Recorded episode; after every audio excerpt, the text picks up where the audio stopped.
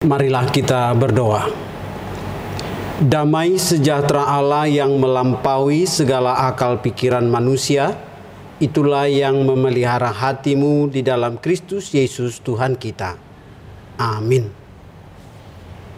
Shalom, selamat hari Minggu Advent ketiga. Kami ucapkan kepada Bapak Ibu, saudara-saudara yang terkasih, baik yang ada di gereja maupun yang menyaksikan dalam acara ini. Tuhan Yesus memberkati kita. Bapak Ibu, saudara yang terkasih, tentunya kita rindu supaya kita selalu berada dalam sukacita dan sehat oleh karena berkat dan pertolongan Tuhan. Oleh karena itu minggu kita pada minggu Advent yang ketiga ini dengan tema bersukacitalah Tuhan ada di antara kita. Marlas di rohama di tonga-tongat tado debata. Firman Tuhan yang menjadi renungan bagi kita di minggu Advent ketiga ini 12 Desember 2021 dari kitab Zefania pasal 3 mulai dari ayat 14 sampai dengan ayat 20. Bersorak-sorailah hai putri Sion, bertempik sorailah hai Israel. Bersukacitalah dan beria-rialah dengan segenap hati hai putri Yerusalem. Tuhan telah menyingkirkan hukuman yang jatuh atasmu telah menebas binasa musuhmu. Raja Israel yakni Tuhan ada di antaramu. Engkau tidak akan takut kepada malapetaka lagi. Pada hari itu akan dikatakan kepada Jerusalem, janganlah takut, hai Sion. Janganlah tanganmu menjadi lemah lesu. Tuhan Allahmu ada di antaramu sebagai pahlawan yang memberi kemenangan. Ia bergirang karena engkau dengan sukacita. Ia membaharui engkau dalam kasihnya. Ia bersorak-sorak karena engkau dengan sorak-sorai. Seperti pada hari pertemuan raya, aku akan mengangkat malapetaka daripadamu, sehingga oleh karenanya engkau tidak lagi menanggung celah. Sesungguhnya pada waktu itu aku akan bertindak terhadap segala penindasmu. Tetapi aku akan menyelamatkan yang pincang, mengumpulkan yang terpencar, dan akan membuat mereka yang mendapat malu menjadi kepujian dan kenamaan di seluruh bumi.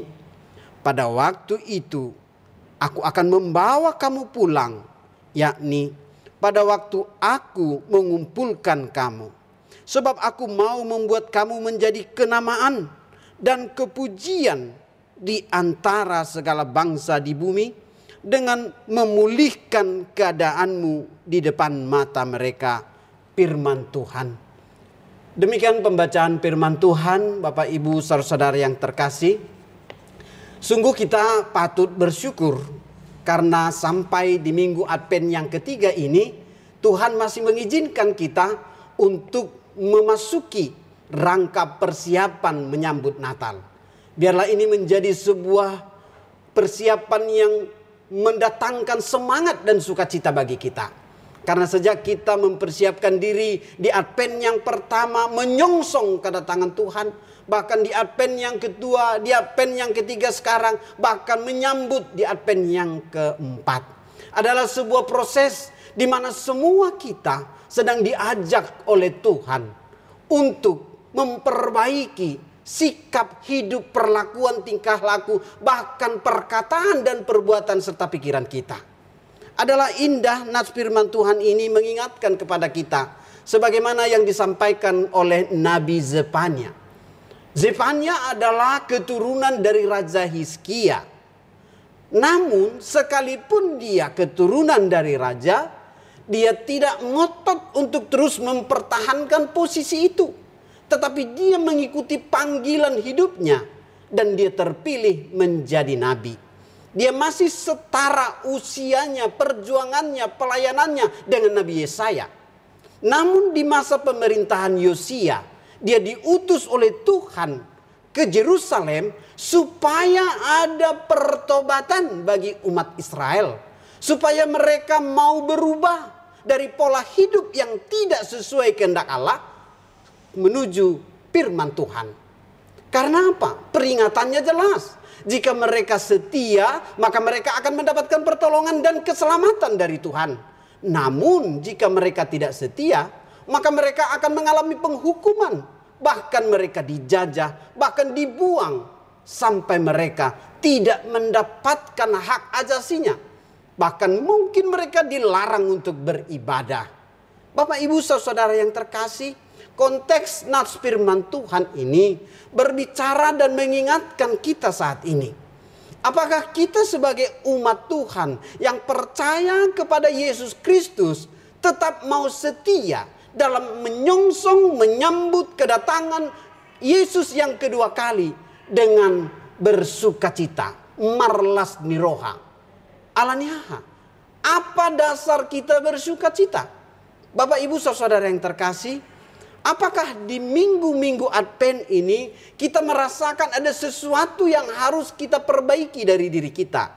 Bagaimana kita bisa merasakan sukacita jika situasi saat ini di pandemi COVID PPKM ini selalu berubah-ubah, kita tidak memiliki sesuatu langkah yang menetap.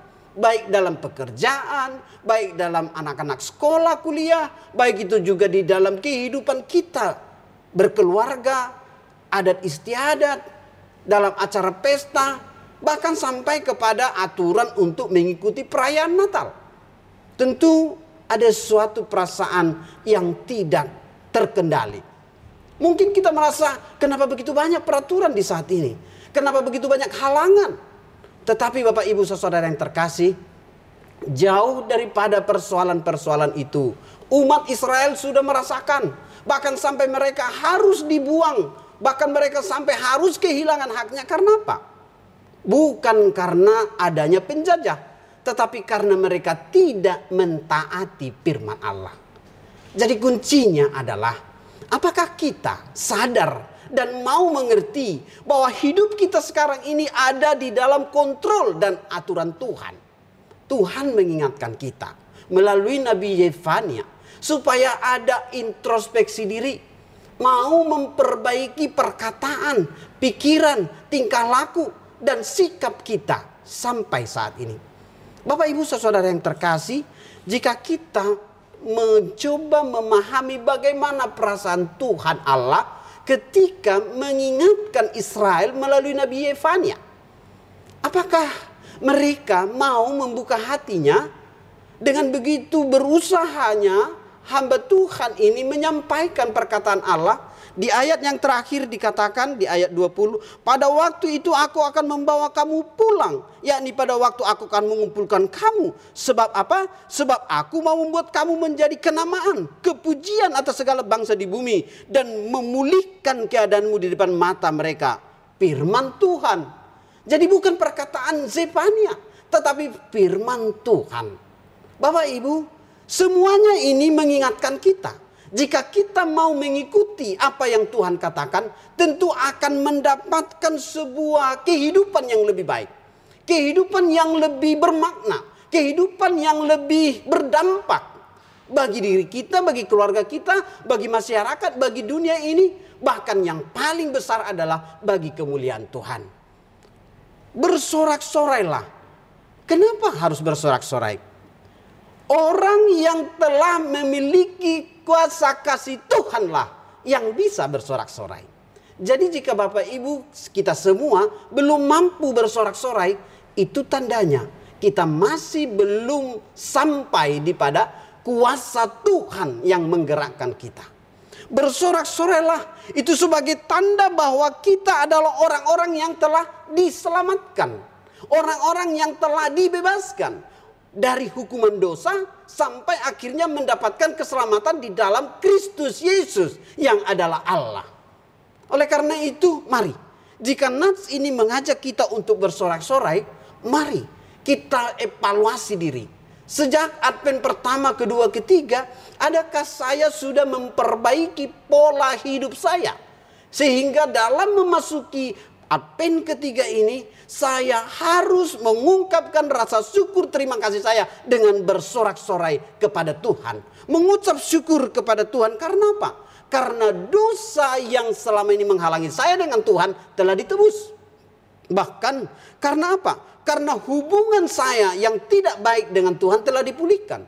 Hubungan saya dengan keluarga saya. Istri dengan suami.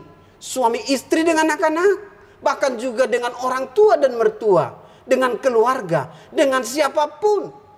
Dalam minggu-minggu ini kita sedang diajak untuk melihat nats firman Tuhan ini sebagai sebuah langkah yang harus kita lakukan. Bersorak-sorai karena apa? Karena kita memiliki jaminan keselamatan, bahkan nama kita tercatat di buku kehidupan. Bukan karena nama kita tercatat di di kartu anggota gereja registrasi bukan karena nama kita tercatat sebagai warga negara Indonesia, tetapi karena nama kita tercatat dalam buku kehidupan kekal. Hidup sekarang ini sementara, tetapi hidup yang selama-lamanya itu yang membuat kita bersuka cita. Bapak Ibu, kenapa orang sulit bersuka cita? Saya membaca tulisan dari Amang Pendeta STP mengatakan begini. Yang pertama, orang sulit bersuka cita karena hidupnya dipenuhi dengan banyak syarat. Apa itu? Tahun ini 2021 dia sudah punya target. Anaknya harus lulus kuliah. Tetapi karena belum selesai ujian skripsi atau mungkin juga tesis, disertasi dan selanjutnya, akhirnya dia merasa, aduh saya belum bisa bersuka cita. Dia berdoa di 1 Januari, saya pengen punya rumah. Tetapi setelah Desember sampai hari ini belum terasa ada rumah yang ingin dia tempati. Sebagaimana dengan duanya. Akhirnya dia tidak bisa bersuka cita. Bahkan dia menempatkan beberapa hal yang seharusnya menurut dia harus terjadi bagi dirinya. Tetapi saat ini belum terjadi. Akhirnya dia memutuskan untuk tidak bersuka cita karena apa? Karena semua yang dia inginkan belum terjadi. Bapak Ibu saudara yang terkasih perlu evaluasi diri. Mungkin keinginan kita sesuatu yang masih dalam proses. Belum bisa langsung terjadi sekarang. Tetapi sedang akan terjadi. Itu iman kita. Jadi ketika terlalu banyak kita menaruh syarat-syarat kepada diri kita, kepada keluarga kita, kepada anak kita, kita akhirnya kehilangan sukacita. Yang kedua kenapa kita kehilangan sukacita? Karena masih kita berdiam di dalam pikiran-pikiran yang tidak baik dan tidak membangun. Bisa kita sebut sebagai pikiran yang negatif. Sifat manusia kita dalam filosofi Batak ada hotel ya. Hosom, teal, elak, late dan selanjutnya. Jika itu masih kita pelihara atau kita biarkan di memasuki Advent dan Natal ini, ketika orang datang ke gereja berpakaian baru, rasa kita tersinggung. Padahal yang berpakaian dia, ya, yang datang ke gereja dia, tetapi perasaan kita tersinggung karena apa? Karena kita berpikir, kok saya tidak lebih bagus pakaiannya dari dia? Atau mungkin ketika kita mengikuti perayaan-perayaan di dalam minggu-minggu ini, kita rindu supaya apa? Kita memiliki sesuatu yang mungkin harapan kita bisa kita pertontonkan kepada orang lain dalam perayaan itu. Tetapi itu tidak terjadi karena apa? Karena pikiran kita telah merantai dan mengikat kita. Oleh karena itu Tuhan ingin membebaskan kita. Jangan kita meletakkan hati dan pikiran kita dalam harta yang sementara. Padahal Allah ingin memberikan kepada kita harta hidup yang kekal. Yang ketiga, kenapa kita sulit bersuka cita? Karena kurang mengucap syukur. Ya, Orang yang suka berkeluh kesabakan sampai akhirnya uh, kalau istilah orang Batak ya mengepian artinya dia dia tidak bisa melihat sesuatu yang baik di tengah-tengah keluarganya, di tengah-tengah perjuangan anaknya, di tengah-tengah kehidupannya. Dia selalu melihat selalu ada yang kurang. Mungkin kemarin dia berharap supaya penampilannya glowing sudah makan obat, sudah makan vitamin, sudah eh, segala macam, kok nggak berhasil begitu ya? Mungkin itu membuat dia bahkan uh, ada orang seperti itu berusaha untuk uh, menggunakan berbagai produk-produk. Uh, Produk pertama memang masih bermanfaat, masih aman bagi kulitnya dan terlihat glowing. Tetapi karena dia ingin lebih, dia akhirnya menggunakan produk yang lain dan macam-macam. Akibatnya mukanya berantakan. Bapak Ibu saudara yang terkasih, ini karena apa? Karena kurang bersyukur. Bukan harus banyaknya, bukan harus semuanya, tetapi hal kecil sekit apa pun, jika itu disyukuri, maka itu akan mendatangkan berkat dan sukacita. Suatu ketika ada seorang bapak rindu untuk memiliki harta lebih dalam hidupnya. Dalam doanya sebelum tidur dia mohon Tuhan tunjukkanlah aku supaya aku bisa mendapatkan harta yang lebih sehingga di minggu ini atau bahkan mengakhiri tahun ini aku boleh bersuka cita. Dalam mimpi itu malaikat berkata saya akan memberikan tetapi ada syarat ya. Apa yang saya berikan jika kamu rasa belum cukup tetapi jika itu tidak sanggup kamu kamu angkat maka semuanya akan hilang. Lalu dalam mimpi itu dicoba bagi dia, coba apa uh, tempat yang akan kau berikan untuk aku bisa memberikan bagimu uh, harta. Lalu uh, dia lihat tempat, lalu ada di tempat rumahnya ada karung. Lalu ditaruhnya ini tempatnya supaya lebih besar kan gitu ya. Lalu dimasukkanlah harta ke situ. Apa yang kamu butuhkan? Uang, masuk uang. Apalagi yang kamu butuhkan? Perhiasan, masuk perhiasan. Apalagi yang kamu butuhkan? Uh, peralatan-peralatan seperti jam, kalung dan lain sebagainya masuk semuanya semua. Lama-lama karung itu apa? Makin berat. Lalu karena sangkin uh, tidak pernah berhenti dia meminta, lalu terus diberikan diberikan. Akhirnya apa? Karung yang dia pegang itu sudah tidak tahan lagi dia tahan. Akhirnya karung itu sampai ke ke ke lantai. Perjanjiannya tadi jika kamu tidak tahan maka semuanya akan hilang. Lalu kemudian dia tahan terus, dia tahan terus, tapi masih terus dia meminta-meminta. Akhirnya karung itu penuh dan sampailah ke lantai. Setelah bersentuhan dengan lantai, semua yang ada dalam karung itu hilang lenyap. Lalu dia terbangun. Tuhan apa maksudnya ini? Ternyata yang mau disampaikan oleh ilustrasi itu. Jika orang tidak pernah merasa syukur dengan sesuatu yang apa yang dia terima, maka nantinya semua yang Tuhan berikan itu pun akan menjadi sia-sia. Karena apa? Tidak ada sesuatu yang dia bisa syukuri. Minggu Apet ini mengingatkan kita supaya kita bersyukur dan bersuka cita. Bapak Ibu, tidaklah terlalu sulit untuk bersyukur dan bersuka cita. Tetapi asalkan kita mau mendekatkan diri kepada Tuhan, rencana Tuhan apa atas kita di tahun 2021 ini sejak Januari sampai ke Desember ini apa yang sudah yang sudah Tuhan berikan kepada kita. Mari kita syukuri. Kalau kita ada saat ini aksesoris pohon terang. Suatu ketika ada tiga pohon cemara berbincang-bincang. Lalu mereka berkata begini. Di setiap acara Natal pasti akan ada korban. Apa korbannya? Pohon cemara pohon cemara pasti akan di, ditebang. Lalu sang pohon cemara satu berkata, aku sebenarnya lebih ingin untuk dipakai menjadi kotak perhiasan. Supaya barang-barang berharga dapat kusimpan. Yang satu lagi berkata, aku lebih ingin untuk menjadi perahu. Sehingga aku bisa berlayar ke berbagai tempat.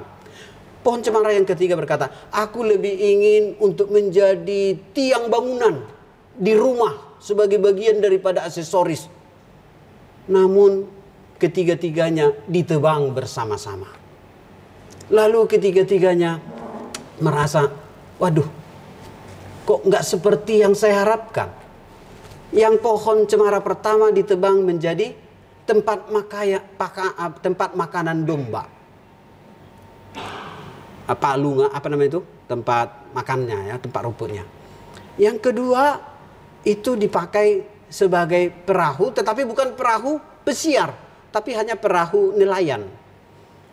Yang ketiga dipotong jadi kayu tetapi belum difungsikan.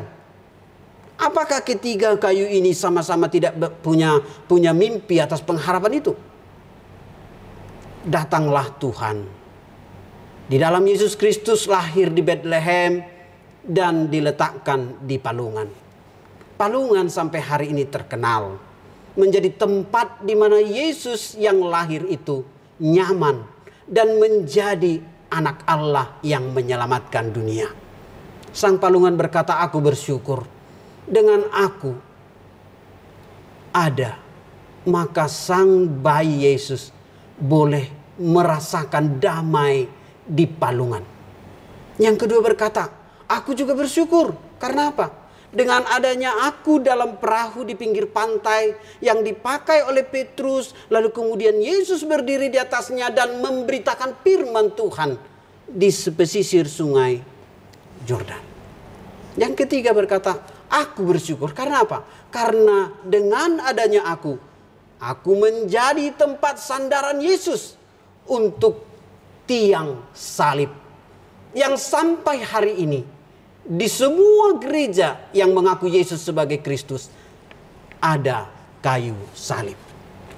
Bapak Ibu saudara yang terkasih, apakah harapan yang pertama akhirnya hilang lenyap? Tidak. Tetapi harapan itu menjadi luar biasa karena mereka berada di dalam Tuhan. Mari, mari kita berada di dalam Tuhan sehingga kita tidak hidup sia-sia, sehingga kehidupan kita tidak terbuang waktu kita sehingga apa yang kita kerjakan, upayakan pada saat ini itu berbuahkan hidup kekal. Dan orang lain boleh merasakan kasih kuasa Yesus yang menyelamatkan kita dan menyelamatkan dunia ini. Itu yang mau kita beritakan melalui minggu Advent menyambut Natal. Apa yang mau kita beritakan? Sebagai bagian daripada panggilan Nabi Zefania memberitakan firman Allah. Bapak Ibu saudara yang terkasih, Mungkin Bapak Ibu pernah dengar nama Sarah Sehen ya. Sarah Sehen ya. Uh, dia adalah seorang artis kita, Sarah Sehan. Uh, di tahun 2017 sebagai seorang presenter terkenal dan juga pembuat uh, akun media sosial Instagram dan Twitter, dia uh, meraih uh, banyak pengikut. Uh, sebanyak 158 ribu pengikutnya dalam Instagram dan juga sebanyak 2 juta 600 2,6 juta Twitter. Tapi dia berkata begini, saya tutup Twitter dan Instagram saya. Lalu setelah ditanya kenapa? Ternyata untuk membuat Twitter dan Instagram terkenal itu dia harus menghabiskan waktu setiap hari untuk persiapan membuat beritanya 45 sampai 1 jam. Yang kedua, dia harus mencari caption-caption, video-video yang membuat tampilannya nanti bagus. Dan itu juga sangat melelahkan. Mencari sampai 20 kali. Berganti-ganti, ganti-ganti. Yang ketiga apa? Dia harus mempermak dirinya. Istilah merentas ya. Membuat dirinya itu glowing. Uh, mungkin terlihat fresh. Mungkin terlihat wah dan lain sebagainya. Ternyata untuk membuat itu butuh tenaga yang besar. Waktu waktu yang bukan tidak sedikit saja. Oleh karena itu dia berkata, saya lelah mengerjakan itu. Walaupun banyak yang menjadi follower saya, mereka hanya lihat wahnya saja. Tetapi proses untuk ke situ tidaklah mudah. Akhirnya dia tutup. Bapak Ibu saudara yang terkasih banyak orang stres karena Instagramnya, karena Facebooknya, karena Twitternya tidak begitu banyak peminat ya atau ketika ada orang yang memunculkan sesuatu mungkin dalam hal sukacita, ulang tahun, kesuksesan dan lain sebagainya, dia merasa apa ya berita yang mau kubuat, ya kan? Yang tidak penting pun akhirnya di, upload kan gitu ya. Dan itu membuat dia stres. Stres karena apa? Stres karena media sosial. Hilang rasa sukacitanya. Padahal sebenarnya itu hanya tambahan. Itu bukan sesuatu yang mengatur hidupnya tetapi sesuatu yang menunjukkan bahwa ini saya, ini ada saya. Tetapi itu akhirnya menjadi sia-sia karena apa? Karena hanya dikerjakan untuk memuaskan dirinya. Bapak Ibu saudara yang terkasih, jika itu dikerjakan dengan tujuan untuk berita yang mau disampaikan, bukan untuk saya tetapi untuk memuliakan nama Tuhan, seperti hamba-hamba Tuhan yang banyak kita lihat melalui Facebook, Instagram, Twitter, bahkan WhatsApp, setiap hari memberitakan tentang bagaimana Tuhan hadir dalam hidup kita. Menolong yang sedang mengalami kesulitan, mendoakan yang sedang sakit, bahkan memberitakan firman yang bisa menguatkan yang lemah. Itu jauh lebih besar manfaatnya daripada hanya sekedar say hello Atau apa kabarmu? Bagaimana sekarang kondisimu? Apakah masih uh, masih terlihat putihkah atau sudah hitam dan lain sebagainya? Tetapi yang paling utama adalah apa yang mau kita ungkapkan dari pertolongan dan kasih Tuhan Jangan seperti umat yang ditegur oleh Nabi Zefania ini. Mereka hanya fokus untuk mengisi diri mereka sendiri. Dan akhirnya Tuhan murka kepada mereka. Kita tentunya bukan orang-orang yang ingin dimurkai Tuhan. Kita ingin menjadi orang-orang yang diberkati Tuhan. Dalam maksudnya untuk kita bersuka cita adalah supaya kita membawa pertolongan-pertolongan Tuhan bagi orang lain. Makanya dalam Filipi 4 ayat 4 dikatakan marlas niroha mahamu di bagasan Tuhani bersukacitalah engkau di dalam Tuhan. Jadi Bapak Ibu Saudara yang kasih, apa yang harus kita lakukan? Yang pertama, biarlah kita bersukacita bukan untuk diri kita tetapi untuk memuliakan Tuhan. Yang kedua, dengan sukacita kekuatan kita, hati kita, bahkan hidup kita mengalami proses pemulihan dan pembaharuan. Ingat, keselamatan di dalam Tuhan itu yang membawa kita bersuka cita dan bersyukur atas pertolongannya. Untuk itu, di akhir khotbah ini saya mengundang kita untuk mencoba menyanyikan satu lagu dari buku Ende nomor 754 ayat 5. Bagaimana sesungguhnya kita bersuka cita di dalam Tuhan.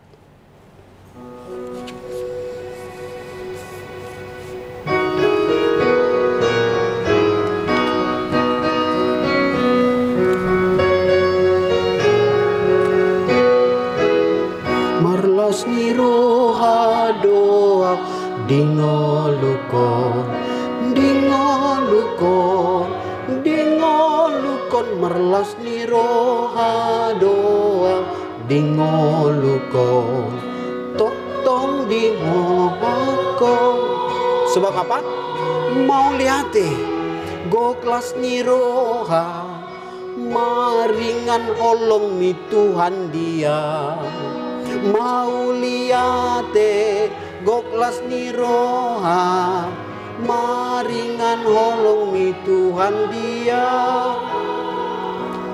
Kita bersuka cita karena Allah berdiam dalam diri kita. Karena rencana Tuhan menjadi rencana yang kita kerjakan dalam hidup kita. Kiranya Bapak Ibu diberkati oleh Tuhan dan semua jemaat Tuhan di minggu Apen yang ketiga ini menjadi jemaat yang bersuka cita, marlas niroha di tonga-tonga tado debata. Tuhan Yesus memberkati. Mari kita berdoa. Bapa di sorga terima kasih jika di minggu ini, minggu Advent yang ketiga ini, kami boleh bersuka cita karena sesungguhnya apa yang sedang kami rencanakan dan pikirkan pada hari-hari yang lalu. Jika itu pun belum menjadi sesuatu yang terwujud, bukan berarti Tuhan tidak bekerja. Tetapi kami harus mau juga melihat apa yang Tuhan sudah kerjakan dalam diri kami. Bahwa sampai hari ini kami masih diberikan kesehatan, diberikan keselamatan, bahkan diberikan kami jaminan hidup kekal. Itulah tandanya bahwa Yesus Kristus mengasihi kami. Sebagaimana kami tadi mengungkapkan, kami bersuka cita karena kasih Yesus diam di dalam kami. Bapak berkatilah seluruh jemaatmu, hamba-hambamu yang melayani, bahkan sampai minggu Advent menuju Natal ini. Biarlah seluruh gerejamu di mana pun berada sebenar-benar boleh membawa sukacita surgawi di tengah-tengah keluarga kami masing-masing. Biarlah kami Tuhan tidak berada di dalam penderitaan dan kesedihan yang merundung. Tetapi biarlah semua pergumulan kami ini kami bawa kepada Tuhan. Karena Tuhan berjanji akan memberikan pemulihan pertolongan, bahkan pengampunan atas semua dosa kami. Terima kasih Bapak untuk di minggu Advent yang ketiga ini. Biarlah semua jemaatmu boleh merasakan damai sejahtera dan sukacita Tuhan. Bahkan seluruh hamba-hambamu yang ikut di dalam pelayanan badan kerjasama Marturia boleh semakin Tuhan pakai luar biasa untuk memberitakan Injil keselamatan. Dan semua pelayanan kami Tuhan yang saat ini boleh dinikmati oleh seluruh jemaatmu di mana pun berada. Biarlah ini membawa kami untuk bersehati, untuk bersama-sama bersuka cita sebab Tuhan menyertai kami. Kami menyerahkan langkah perjalanan kami Tuhan sampai kami mengakhiri tahun ini dan memasuki tahun yang baru tahun depan dengan kasih kuasamu. Biarlah damai sejahtera Tuhan selalu turun atas kami. Yang lemah dikuatkan, yang sakit disembuhkan, yang beban berat mendapatkan penghiburan. Bahkan juga Tuhan yang sedang bergumul untuk mendapatkan keturunan. Tuhan hadirkan sukacita itu. Bahkan kami berdoa untuk semua jemaatmu yang saat ini di dalam keluarga sedang sehati untuk bersedia terpanggil melayani Tuhan Berkati kami semua Bapa. Di mana pun kami berada, Tuhan melihat kami. Apa pun yang sedang kami kerjakan, Tuhan mengetahui. Oleh karena itu dengan segenap hati, dengan segenap permohonan dan perendahan diri, kami mohon Tuhan izinkan kami untuk melihat dan menerima yang terbaik selalu yang daripada Tuhan. Dan mampukan kami untuk selalu memberi yang terbaik untuk Tuhan. Terpujilah engkau Bapa di dalam Yesus Kristus kami berdoa dan mengucap syukur. Amin.